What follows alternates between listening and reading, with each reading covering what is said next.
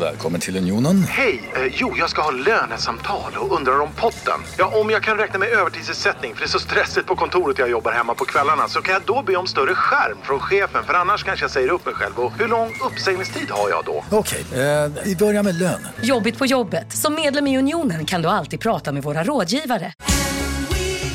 Just nu till alla hemmafixare som gillar Julas låga priser. Ett borr och bitset i 70 delar för snurriga 249 kronor. Inget kan stoppa dig nu. Hej, Susanne Axel här. När du gör som jag och listar dig på en av Krys vårdcentraler får du en fast läkarkontakt som kan din sjukdomshistoria. Du får träffa erfarna specialister, tillgång till lättakuten och så kan du chatta med vårdpersonalen. Så gör ditt viktigaste val idag, lista dig hos Kry.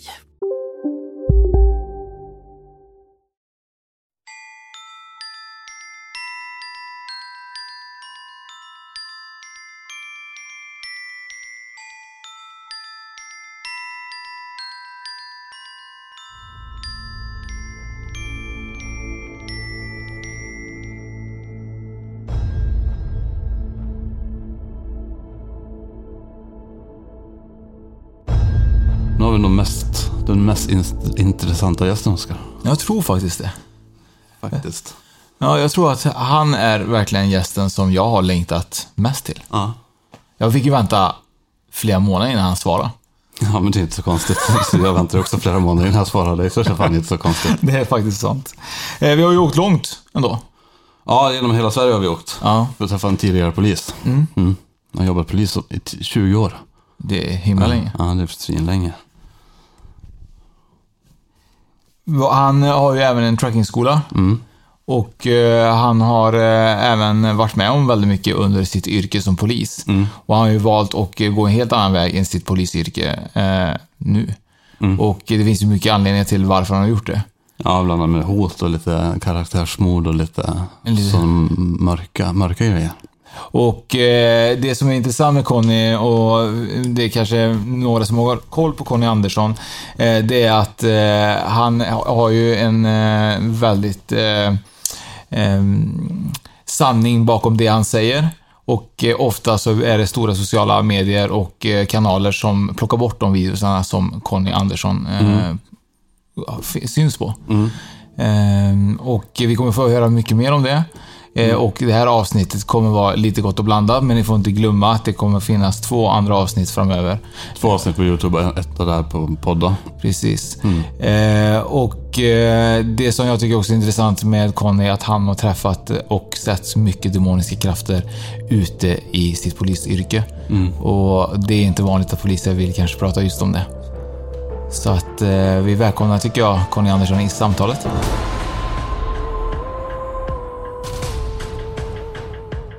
Du kan börja berätta liksom så här, när, du, när man pratar om demoner i polisyrket. Hur, hur, hur tänker du kring det? Eller vad, vad skulle, hur skulle du förklara det? Ja, alltså under så många år som jag jobbade som polis och mötte människor i sådana svåra situationer. De var förtvivlade, berusade, påverkade droger och annat. Så eh, var jag ju mer lärd att det fanns en eh, psykotisk, en psykologisk diagnos bakom det hela. Ehm, att eh, deras beteende var inte mänskliga. Eh, den brutalitet, den eh, ondska människor kunde visa Och det, det pratar man ju alltid om att det är psykisk ohälsa. Man så skriver in folk på Ja, men tar ihjäl en människa så, så blir det ofta stämplat som, inte till fängelse utan psykiatrisk vård. Ja, precis. men du menar då att det skulle kunna vara någonting annat bakomliggande? Absolut. Det, och det tog mig många år att jag till slut kunde verkligen acceptera vad jag såg. Ehm, eh, det var ett tillfälle, bland annat ett utav alla dessa tillfällen då, där ehm, en före man, jättevanligt, ehm, försöker ha ihjäl sin före kvinna. Och eh, han nästan lyckades ha ihjäl henne. Vi var där, vi grep honom. Och när vi fick tag i honom då så försökte han bita oss. Han var som en galen hund. Han ylade som en varg. Och då tänkte jag så här.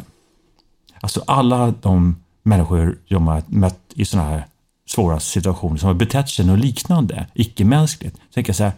Det kan inte vara mänsklig eh, påverkan i form av psykoser. Det måste vara någonting annat. Idag, efter så många år jag studerat det här, så idag vet jag att det finns en demonsk påverkan. Det finns ett, en, en mörkare entiteter som påverkar människor.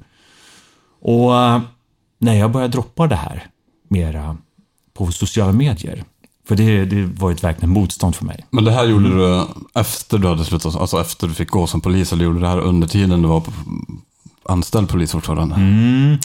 Eh, Då var jag inte alls ute i sociala medier när jag jobbade som polis. Nej. Utan var ju eh, mer senare när jag började jobba eh, med Tracker School, med mitt företag Mm. och, och eh, var en whistleblower för den Ja, precis. Korruption som finns inom polisen. Då. Ja. Utan idag, det är ju mer för att jag jobbar med mig själv och jag vågar se mera. För min spårkonst handlar om att se sanning. Och idag så börjar jag förstå att det, det finns entiteter som, som eh, splittrar människor. Och, ehm, Och eh, leder människor bort från sig själv. Och det handlar väldigt mycket om rädslodrivna energier. Eh, Människor som då lever i rädsla, i, i förtvivlan. De drar på sig de här energierna. Då. Men Conny, du har ju Mm. eh, bland annat eh, varit eh, lite involverad även i helikopterrånet och lite Ja. sådana saker. Och korruptionen som du mötte som polis Mm. märkte du ganska tidigt när du inte fick jobba på det sättet du hade önskat för att liksom, förebygga brott. Liksom. Mm. Ja, precis. Och hur, vad hände liksom i ditt yrke när, när du började ifrågasätta? Alltså, jag blev ju beordrad att sluta jobba mot maffia. Ehm, och jag undrade varför. För det är väl en, en av centralpunkterna att kunna freda människors trygghet och säkerhet. För maffian nämligen, de infiltrerar sig i vårt system. Bland myndigheter, bland organisationer, bland vår, vårt vardagliga genom sublima hot och, och korruption. Och när jag börjar se det här, för det är svårt att se, för det är ju så, så snyggt. Det, det är att, att, att verka utan att synas. Så äh, mötte jag inte motståndet, inte bara mot maffian och organiserad brottslighet, utan från mina chefer. Och, återigen, att våga se sanning. Jag kunde, kunde först inte tro att det är sant det jag ser, det jag hör. Men till slut så fanns det inget annat val än att gå in i mig själv. Vad ser jag? Vad ser jag för sanning? Och ehm, då var det så att cheferna gick in och sa du, du gå därifrån, titta åt ett annat håll. Men hur, hur kommer den kopplingen? Hur kan det vara en koppling mellan maffia och polis? Det, det, det betyder ju att det är eh, styrt från ett helt, helt, helt annat sätt än vad vi tänker att det ska vara. Absolut, det är det med det. Och ehm, det ser man ju också eh, när du börjar liksom nästan umgås med de här kriminella människorna, när du får ett förtroende. För jag jobbar nämligen som, jag var nämligen snut. Jag var ingen polis, utan jag var snut. det är vill säga folkets polis. Då, då. Det vill säga, jag, jag är här för jag har en broder och eh, jag är broder till mina bröder och systrar. Jag är där för att hjälpa människor på riktigt och skapa en bättre värld. Idag säger jag att det är ett paradis jag försöker jobba. Att utveckla. Paradiset handlar om att vi väljer kärlek och inte rädsla. Och när jag möter människor då i mitt förra yrke då, som polis då, med kärlek och respekt, då fick jag också förtroende tillbaka. Och många i maffia organiserad brottslighet, de berättade hur de jobbar. Och det de jobbar bland annat, det är att de utpressar människor i befattningspositioner inom myndigheter. Och eh, maffia hatar ju pedofiler. För många utav de kriminella killarna och tjejerna har ju själva blivit utsatta för pedofiler, blivit våldtagna så små. Så de hatade pedofiler, men de älskade att utpressa dem. Såklart. Såklart. Så de hade inget dåligt samvete med att pressa en domare, åklagare, polischef, annat. Politiker. Så du menar att egentligen så finns det ganska högt uppsatta människor i, i nätverk av pedofili i Sverige? Då? Ja, det gör absolut. Och eh, när jag började på Polishögskolan 1991 så var min rektor Göran Lindberg, även kallad eh, Kapten Klänning. Ja, just det. En sadist, en serievåldtäktsman och pedofil. Och det är ganska sjukt ändå att det har varit din eh, eh, chef liksom. Ja. Jag kände instinktivt när jag mötte honom eh, första gången att jag gillade inte honom. Nej. För han hade en, en, eh, en uppsyn, en, en liksom psykopatisk eh, jag kan säga, attityd mot den. Vad hände med dina kollegor när snuten inte, när du blev snut och inte var polis och liksom eh, eh, Fick du liksom motarbetat även från liksom kollegor i arbetet eller var det bara högt uppsatta liksom? förstod de vad du ville få fram? Liksom? Nej, alltså, det är ganska få som är snutar som väljer att ta snutuppdraget. Ehm, för att det, kostar. Det, för att det, det krävs ett engagemang, ett mod, en vilja, en passion att vara en snut. Eh, så kanske 90 procent eh, är ju poliser. Det vill säga att de går dit och tjänstgör. Man, man är där, så gör man det som man behöver göra och inte mycket mer. Eh, för det kostar. För när du börjar engagera dig, då blir du direkt anmäld från de här kriminella, för de skulle statuera ett exempel. Sluta, lägg, i, lägg det i vårt kriminella arbete. Och det lär sig poliser ganska fort. De som blir mest anmälda, de som blir mest hotade, är de som gör sitt arbete. Och de är ganska få som står på sig. Och till slut så, så börjar det liksom eh, eh, krackelera. Liksom. Och allt fler poliser gör inte sitt jobb, de kliver undan och hoppas någon annan ska göra det. Så jag, jag såg bland annat den här maffian vi, vi, vi jagade. Vi såg ibland att en polisbil dök upp bakom den här välkända BMWn. Som de, så alla visste att det här är maffia, de har inget körkort, de är liksom, håller, på, håller på med droger, alkohol. Polisbilen kom upp, låg bakom dem och sen vek av. De ville, vågade inte ens stoppa bilen. Och det gjorde ont. Mm, det är klart. Så då blir det maffian som styr då hela... Ja. Men det, kom, eller det går ännu högre upp än maffian, alltså om man pratar korruption. För då blir ju maffian också egentligen bara soldater kan jag tänka mig, till någonting ännu högre. Jag tror att det är så. Ja. Jag tror att det är så att maffian, politiker, korrupta tjänstemän, de är samma, de sitter ihop. Liksom. De hjälper, utnyttjar varandra. De sitter i samma båt. Och de har hållhakar på varandra också. För, för du säger att Sverige är ett, ett av de mest korrupta Ja. länderna som, som existerar. Ja. Vad, vad tänker du? För man vet ju att vissa liksom, länder är korrupta, man kan muta poliser med pengar och sånt där. Men hur ser den strukturen ut i Sverige? Liksom, hur kan, hur, för jag tror inte att så många tänker att Sverige är ett korrupt land. Nej, precis. Hur, vad, vad tänker jag så? Hur kommer det sig? Hur, hur vet man inte om det här liksom? Exakt, för att de har lyckats att få oss tro att det inte finns korruption i Sverige och då kan man göra korruptionen än djupare. Jag var uppfostrad, övertygad, eh, uppväxt här i Sverige att det finns ingen korruption i Sverige. Ja, kanske Italien, England, USA, mm, andra länder, men det är aldrig i Sverige. Vilket gjorde att jag inte ens hade ögonen för det korrupta. Och eh, i och med att eh, eh, systemet har då tränat det svenska folket att inte ens titta åt det här hållet, så kan det här bre ut sig. För brott eh, som korruption, det kan endast finnas om det är dolt. Ja, Ja. Så Precis. i det dolda, in, in your face, så kan korruptionen, brottsligheten ske. För att människor, de tittar men de ser inte, vilket är mitt expertämne. Att se och veta.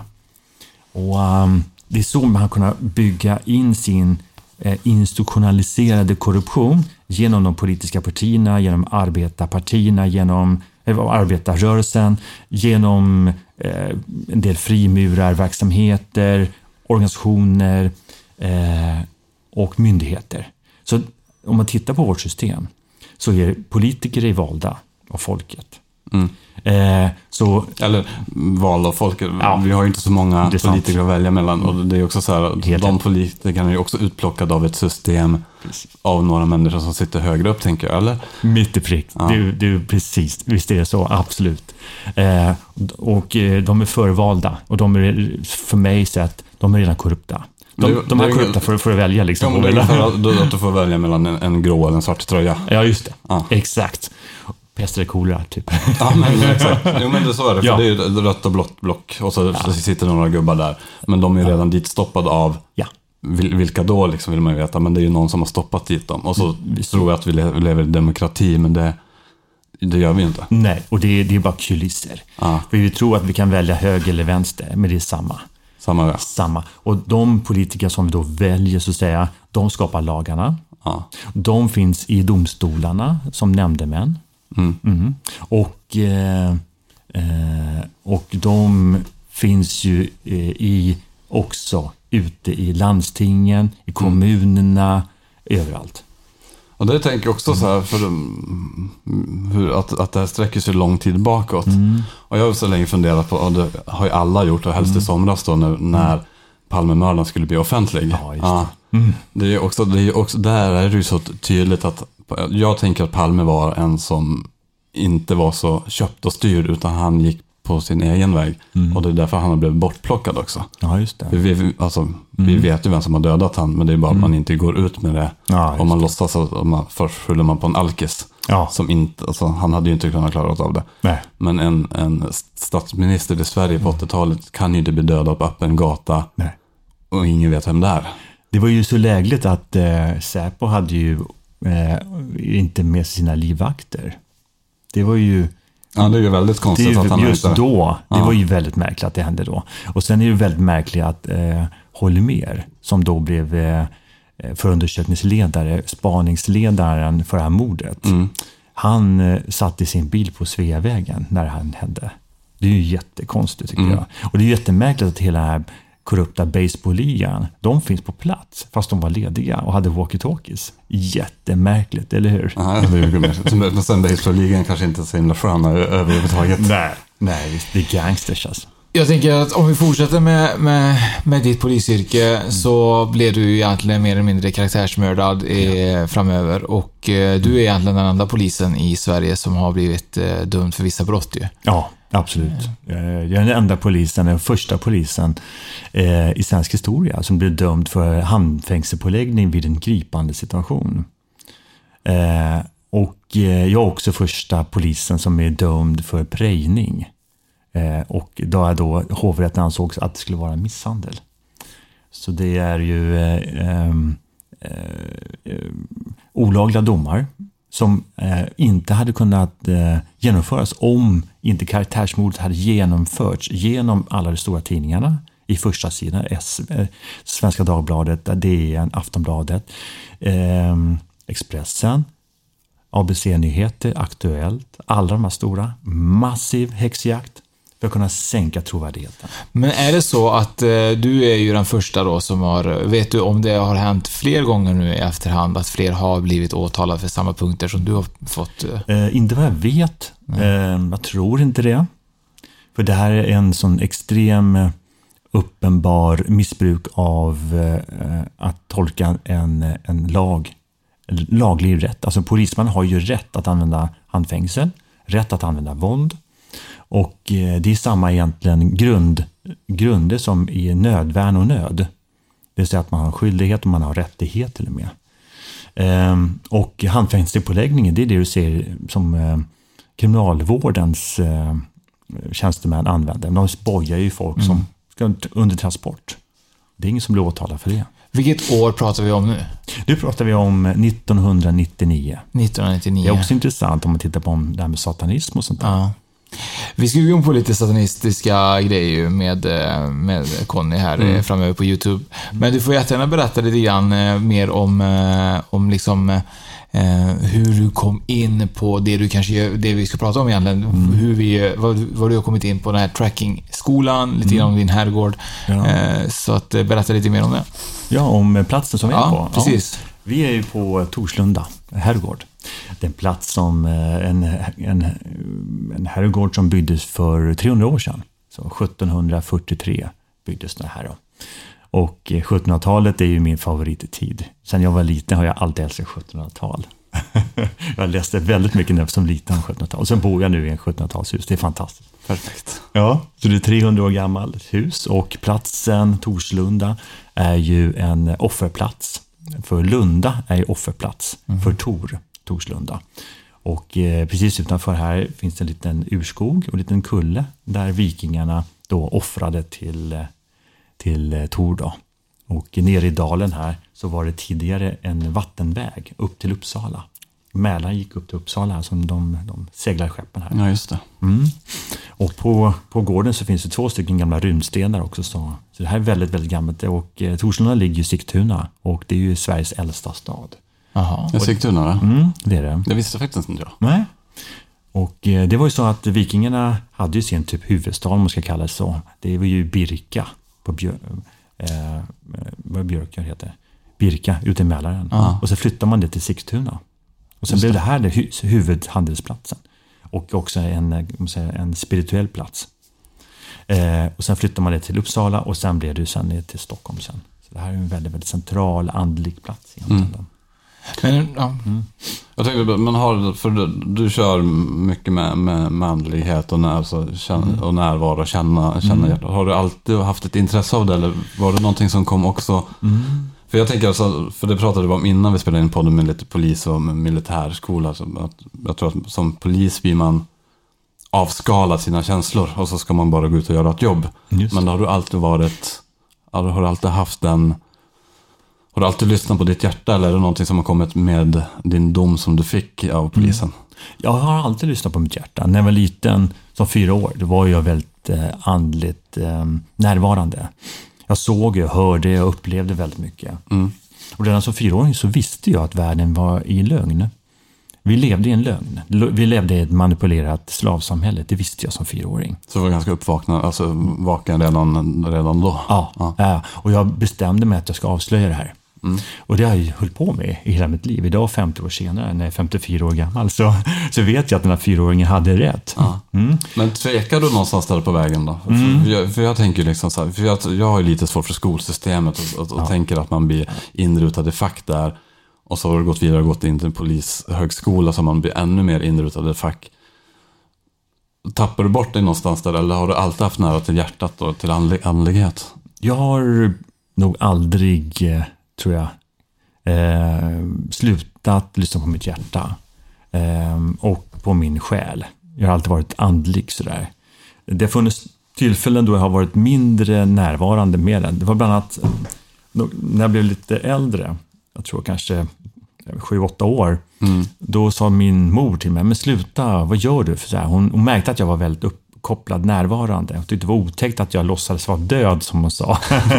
det enda det jag gjorde, det var att jag mediterade, jag flög ut i universum. Ja, du, du tog emot. Jag tog emot det exakt. Och hon bara, nej gud vad gör du? Spelar död. Ja, och då, då drog jag mig tillbaka lite grann eh, i det här. Eh, men eh, jag, eh, jag bestämde mig så när jag var mm, eh, typ eh, 28.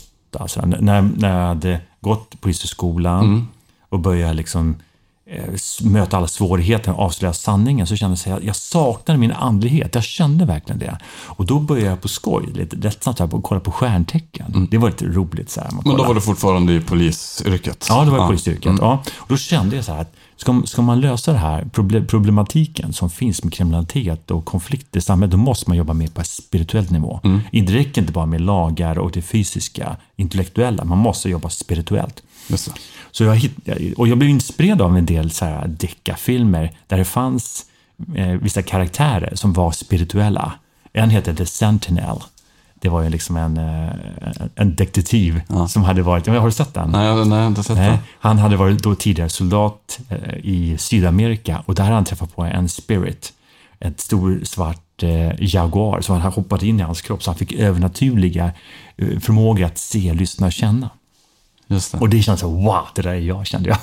Så, så det, den filmen var att tacka för allting som hänt efteråt då? ja, det var framförallt en åter, äh, en, en påminnelse vem jag är. Ja. Men började du då prata med dina kollegor om det spirituella andlighet eller var det någonting som du gick och tänkte så här, jag ska driva på det här i, i mig själv eller pratade du om det öppet också? Jag var ganska öppen med det. Ja. Och en del, det fanns en del kollegor som var väldigt, väldigt fyrkantiga. De, eh, de trodde att jag måste vara, måste vara bög, liksom, homosexuell, för här jag var så mjuk och så öppen och kramig. Liksom, Så det kan man ju inte vara som kille. Nej, kan man inte. är Nej, fan. då måste vara bög. Men de visste inte hur attraktiv jag var för kvinnorna. Ja, Exakt. Men det är så, när man var i kontakt med sig själv, då växer ju eh, en attraktion också. Alltså som, både som vänskap och förtroende och, och det här med man och kvinna också såklart. Så är det ju. Och det är också så här, om man ger mer kärlek så får man mer kärlek tillbaka. Ja. Så, så det är också en självklarhet liksom. Precis, exakt. Men nu sitter vi ju som sagt i Sigtuna Mm. på din herrgård och här har man trekkingskola. Ja. Och eh, vad innebär det och hur länge pågår det? Liksom? Alltså, när jag var fyra år gammal så var jag redan indiansjäl. Eh, Jag har alltid varit en indiansjäl. Det vill säga att jag ser sanning, eh, längtar att vara fri, älska frihet. Alltså, det är det någonting som är viktigt för mig så är det frihet. Eh, så jag har alltid varit dragen till den, den natur, eh, naturfolkens sätt att se på, på tillvaron. Och eh, det var därför jag valde också ett jobb som, som gav mig mening. Jag kunde inte ha ett jobb som bara gav mig pengar, det gick inte. Jag måste ha en mening. Och eh, jobbet, polisyrket gav mig också som sagt en ursäkt så att säga. Att fördjupa mina indianförmågor, mina själ. Synoptik här. Visste du att solens UV-strålar kan vara skadliga och åldra dina ögon i förtid? Kom in till oss så hjälper vi dig att hitta rätt solglasögon som skyddar dina ögon. Välkommen till Synoptik. Dåliga vibrationer är att skära av sig tummen i köket. Ja! Bra vibrationer är att du har en tumme till och kan scrolla vidare. Alla abonnemang för 20 kronor i månaden i fyra månader. Vimla! Mobiloperatören med bra vibrationer. Upptäck hyllade XPeng G9 och P7 hos Bilia. Våra produktspecialister hjälper dig att hitta rätt modell för just dig. Boka din provkörning på bilia.se xpeng redan idag. Välkommen till Bilia, din specialist på XPeng. eller kan säga, min reinkarnerade kunskaper från tidiga liv. Jag tror på reinkarnation. Då. Eh, och eh, därför så utvecklar jag det som jag kallar för snut eller supersnuten. För att jag, jag spårar hela tiden. Jag spårar inte bara det fysiska utan emotionellt. Eh, det, var, det jag hörde, det jag kunde sniffa till med. Det. Och eh, under de här åren som polis då fick jag ju också verka leva ut det här indianska eh, inkarnationen. Då. Och, eh, och sen hittade jag ju fortfarande att det fanns några enstaka människor som höll på och hade bevarat den indianska spårkonsten.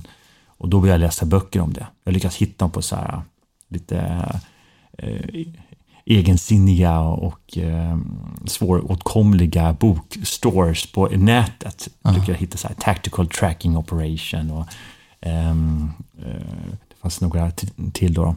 Och då, eh, då kände jag igen mig själv. Så jag började liksom praktisera det här mer och mer, återta min, min gamla kunskap. Då. Eh, och sen så mm, eh, hade jag jobbat under många år som, som vapentaktiklärare inom polisen och på Polishögskolan.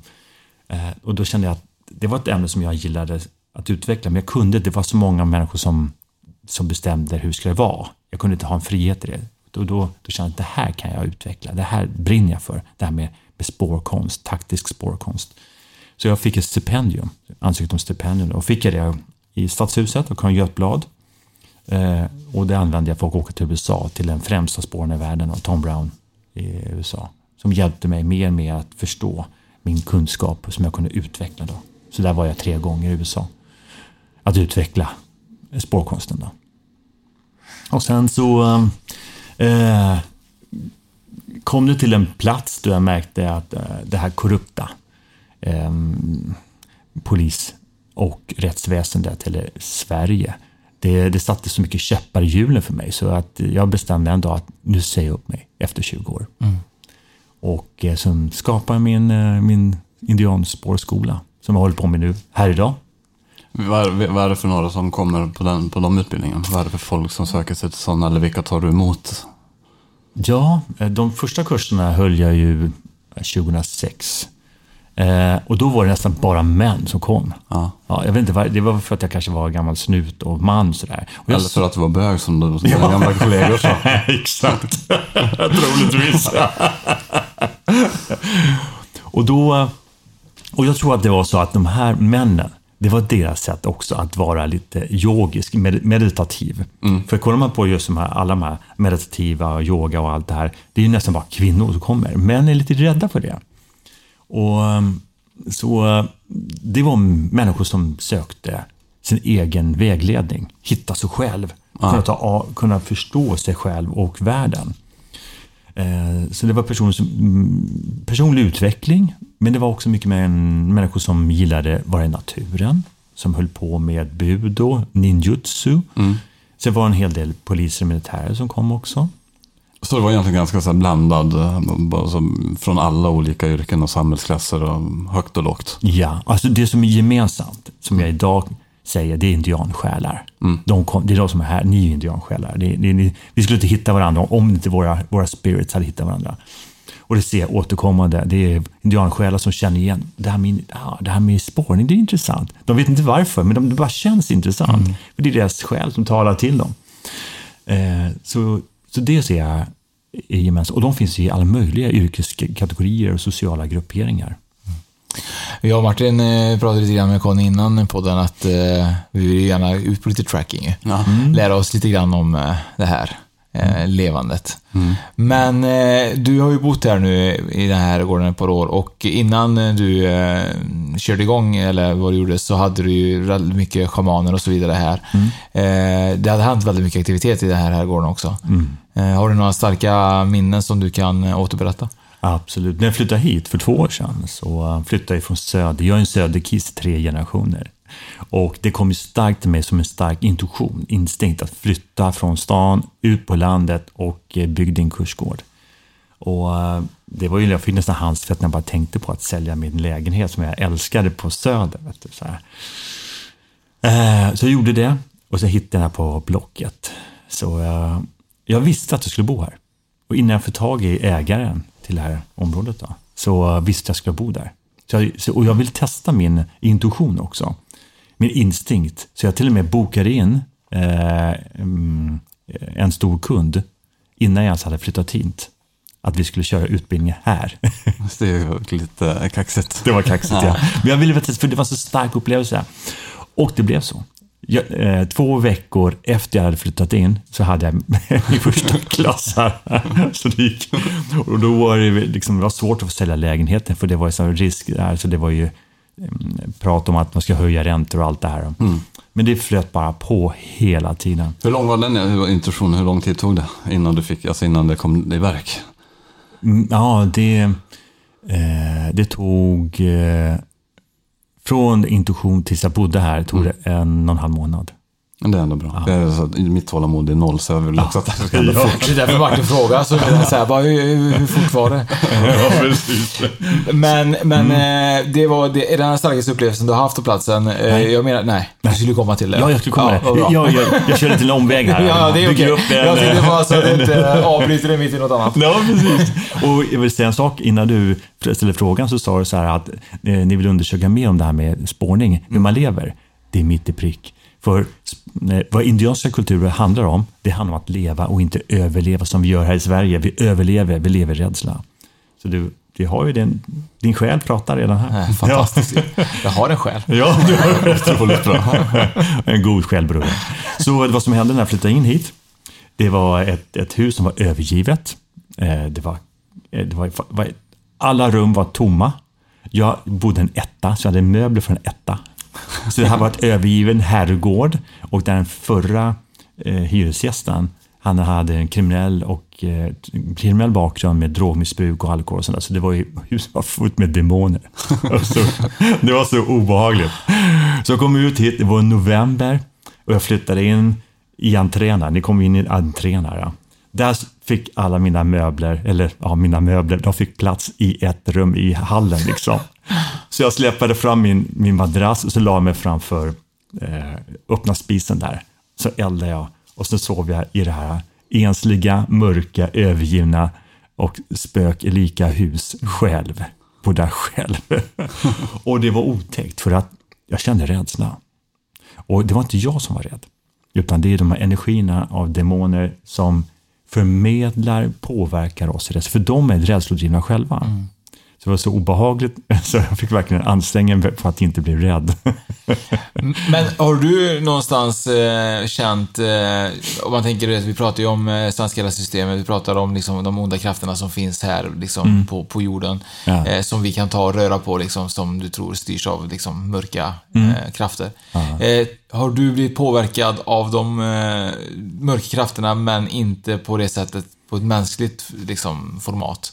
Har du känt liksom, påtryckningar från andra sidan som har varit mörka? Oh ja, absolut. Massor. Massor. Under de här åren då jag var utsatt för det här justitiemordet då, så eh, var jag ju väldigt hårt angripen. Och det kändes som att eh, jag hade svårt, fick svårt att andas. Eh, det kändes som att jag fick liksom knivar i bröstet och magen. Vid ett tillfälle så blev jag strypt hemma i, eller i, en, i ett rum där, det fanns ingen annan människa där, men jag, blev strypt helt enkelt. Och det är en väldigt intressant upplevelse att uh, känna att nu får jag ingen luft. Nej. Men det som hände med mig, det kickade igång en urkraft i mig. Att göra mig fri från de här negativa krafterna.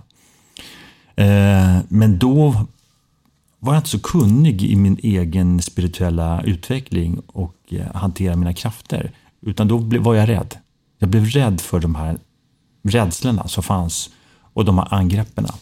Och det gjorde att jag blev splittrad också, eh, lättangriplig så att säga. Och ehm, eh, jag, jag, jag blev så alltså, torterad utav de här mörka energikrafterna, demoniska krafterna. Så jag hade sådana fruktansvärda mardrömmar.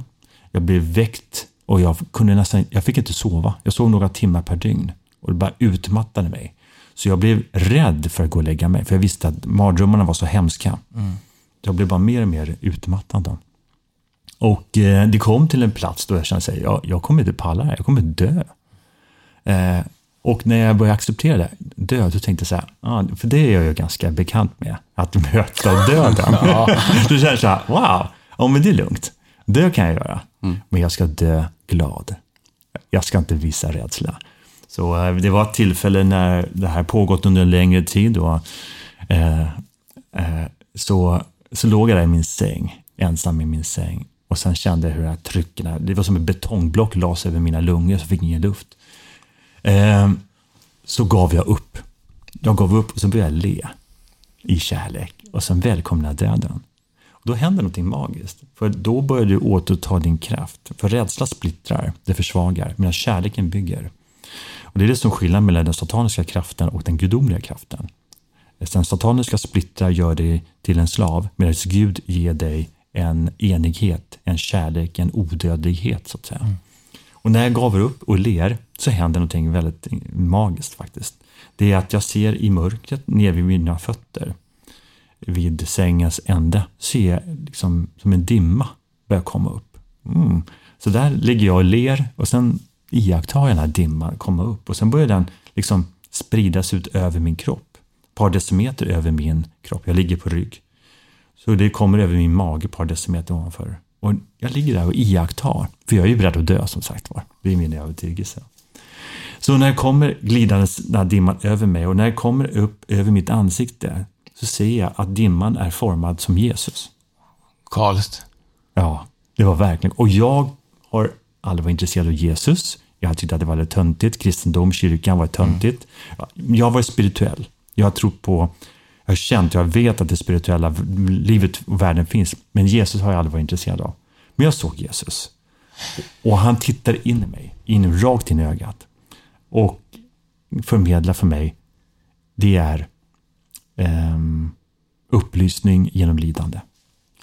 Du är väldigt noga, eller noga jag säga, men du är ju, du är ju kristen men ändå inte kristen. Men mm. du säger att man ska använda ordet Jesus i alla fall. Ja. Eh, kan du förklara lite kring det? För det tycker jag är intressant. Ja, Jesus är ju direkt antidemonisk.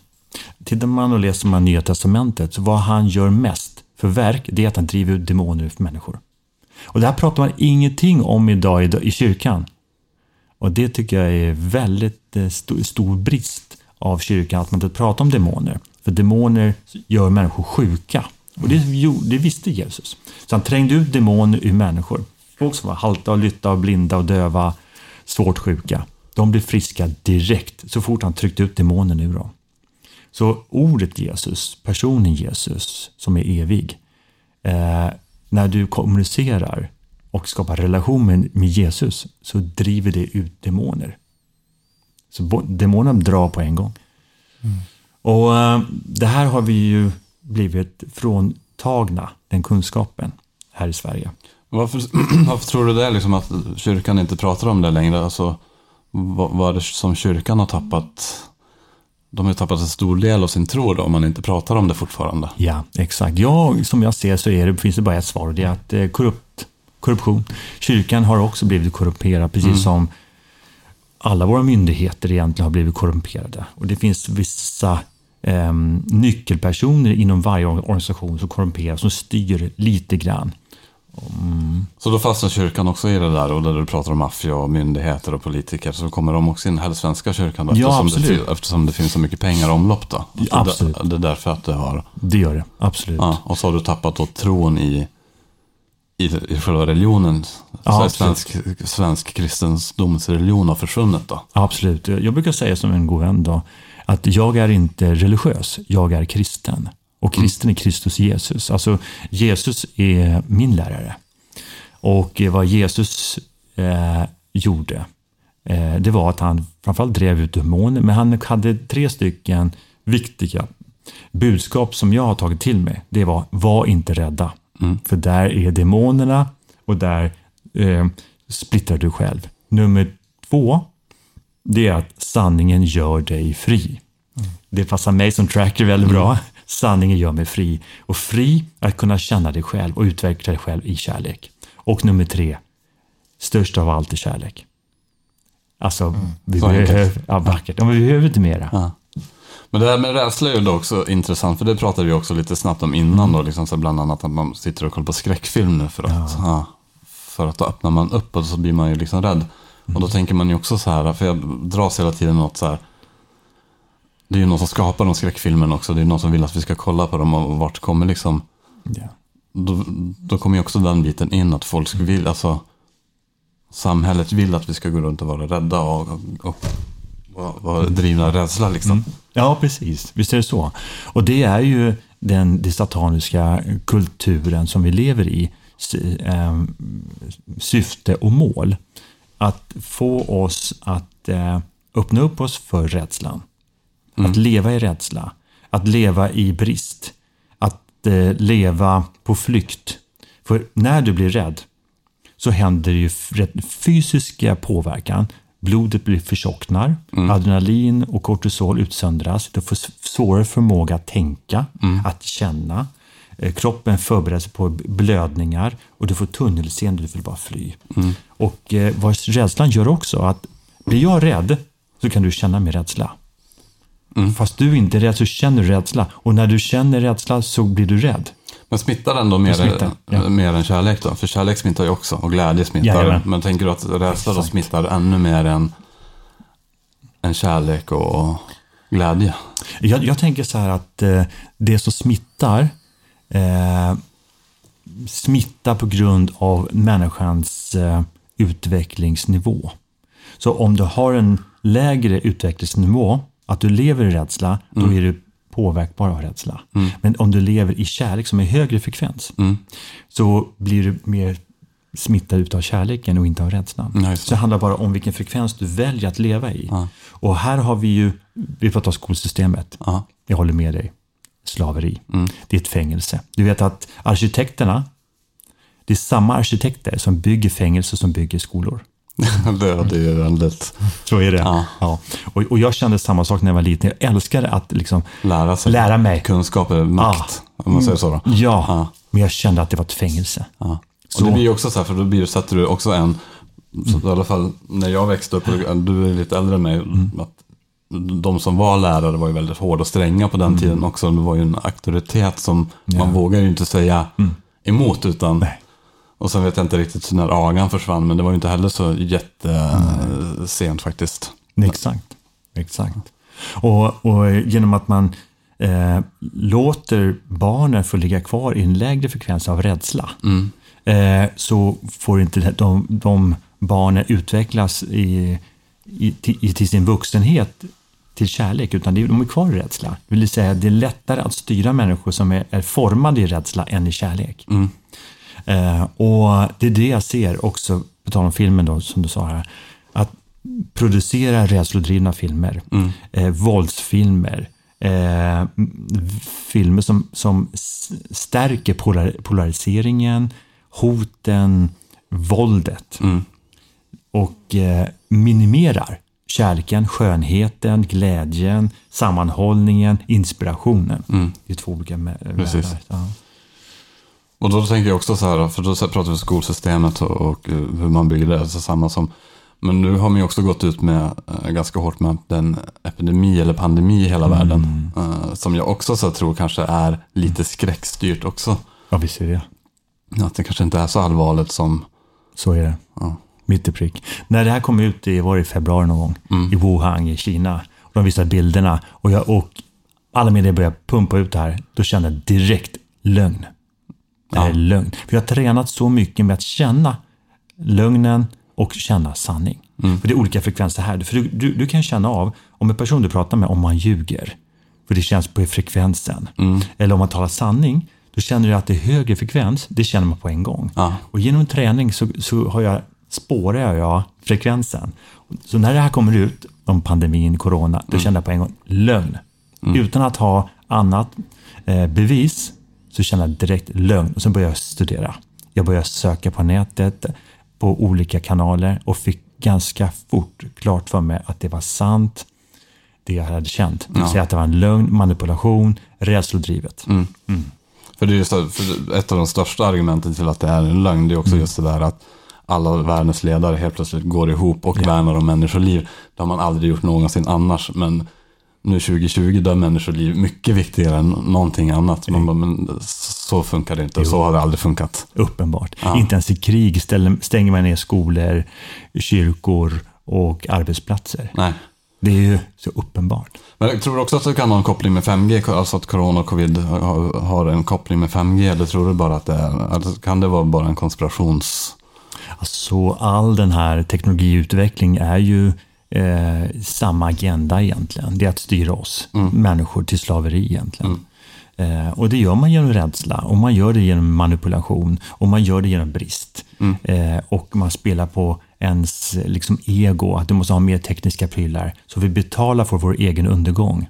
Ja, Ja. det gör vi. Ja, Och sänker frekvenserna på oss då. sänker frekvenserna. På in med vacciner som är fullt med gift. På med ökad eh, giftig frekvens i form av 5G och med mera. In med mera snabbmat. In med destruktiva filmer som Mm. gör dig rädd. Allt det här är ett tydligt system eh, i att förtrycka mänskligheten och splittra oss. Mm. För de är livrädda för en sak. För det- att vi ska vakna upp i Ja, grupp. Exakt. Och äh, det är kärlek och enighet. När Mm. vi enas, som nu vi gör här, i det här fina rummet med er, ni fina människor, så är vi power. Kärlekspower. Mm. Och just nu, när vi är här i vårt samtal i kärlek, så upprättar vi Guds paradis. För paradis är att leva i kärlek. Och innan vi avrundar och avslutar så en sista fråga och Mm. det är hur kommer det sig att man tar eh, och gör detta 2020 och varför har man väntat så länge eller vad är det som hänt liksom i förändringen i, i världen? Ja, jättebra att du säger 2020. Jag har förnimt en längre tid att 2020 kommer att vara det stora året där vi vaknar, där folket vaknar. Jag har kallat 2020 för det gyllene året. Men känns det inte lite grann eh, när Ja. man då har då startat den här coronaepidemin, det att det har liksom skapat en ännu extra uppvaknande, att de har gjort liksom, skjutit sig själva i foten när man har gjort så här liksom. Så känner jag också. De har försökt så mycket och det är som en lögnare som försöker ljuga, ljuga, ljuga. Ju mer den ljuger, ju mer avslöjad blir den. Mm. Så eh, ju mer de trycker på, ju mer skapar det spår. Och ju mer väcker det. Och jag, jag är väldigt glad för vår mänskliga medvetandeutveckling just nu. För nu vaknar så människor, många människor, till och med i Sverige, vaknar så många. Vi är så hårt hjärntvättade. Och jag ser så många människor vakna och det är sån lycka för mig att se att ju- 2020 det är uppvaknandets år, det är renässans. Det är spännande och eh, det som kommer vara mer spännande är ju våran YouTube-video som vi kommer släppa med eh, Conny. Eh, och eh, det är väldigt viktigt att man då kanske tar sig tiden och tittar när den verkligen kommer ut för att det kan vara så att den plockas bort. Man vet ju Mm, aldrig. Eh, så in och kika på våran YouTube-kanal med Conny Andersson på Spökpodden på YouTube. Och eh, så kör vi lite mer konspirationsteorier, lite mer om kanske adrenochrome, som folk kanske vill veta mer, pedofilnätverken, hur har liksom detta en koppling till corona, för det sägs ju liksom ligga ett pedofilnätverk kanske bakom det här coronagardinen. Eh, så att eh, in och kika och så ska jag och eh, Martin ta och ta en kaffe kanske, mellan. Ja, kanske. Kanske. Så in och följ också även Conny på Conny Tracker va? Ja. Conny understreck. Ja, det är på Instagram, är det Conny eh, Tracker One. så heter det. Ja, och på nätet så är det tracker.one. www.tracker.one är det. Och är ni intresserade av att höra mer av Conny så finns han ute på flera YouTube-kanaler också och han berättar självklart sanningen för alla där ute så att ni vaknar upp till det jag och Martin har gjort. Men då får de kolla efter de kollar våran YouTube. Precis. Ja. Tack. Tack.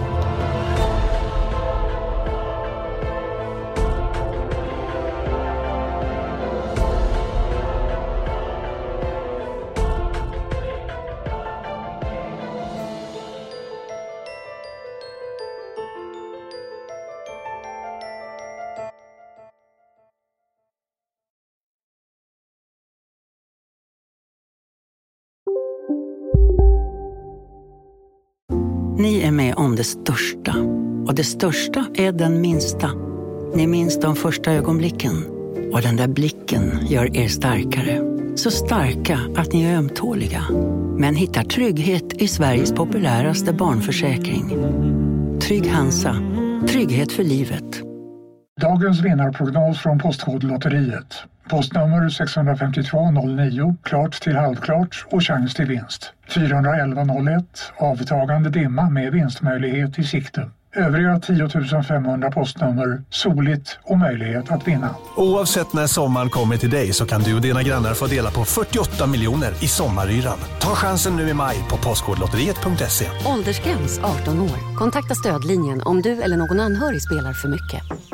Du, åker på ekonomin. Har han träffat någon? Han ser så happy ut. Var det onsdag? Det är nog Ikea. Har du dejtat någon där eller? Han säger att han bara äter. Ja, det är ju nice där alltså. Missa inte att onsdagar är happy days på IKEA. Fram till 31 maj äter du som är eller blir IKEA Family-medlem alla varmrätter till halva priset. Välkommen till IKEA.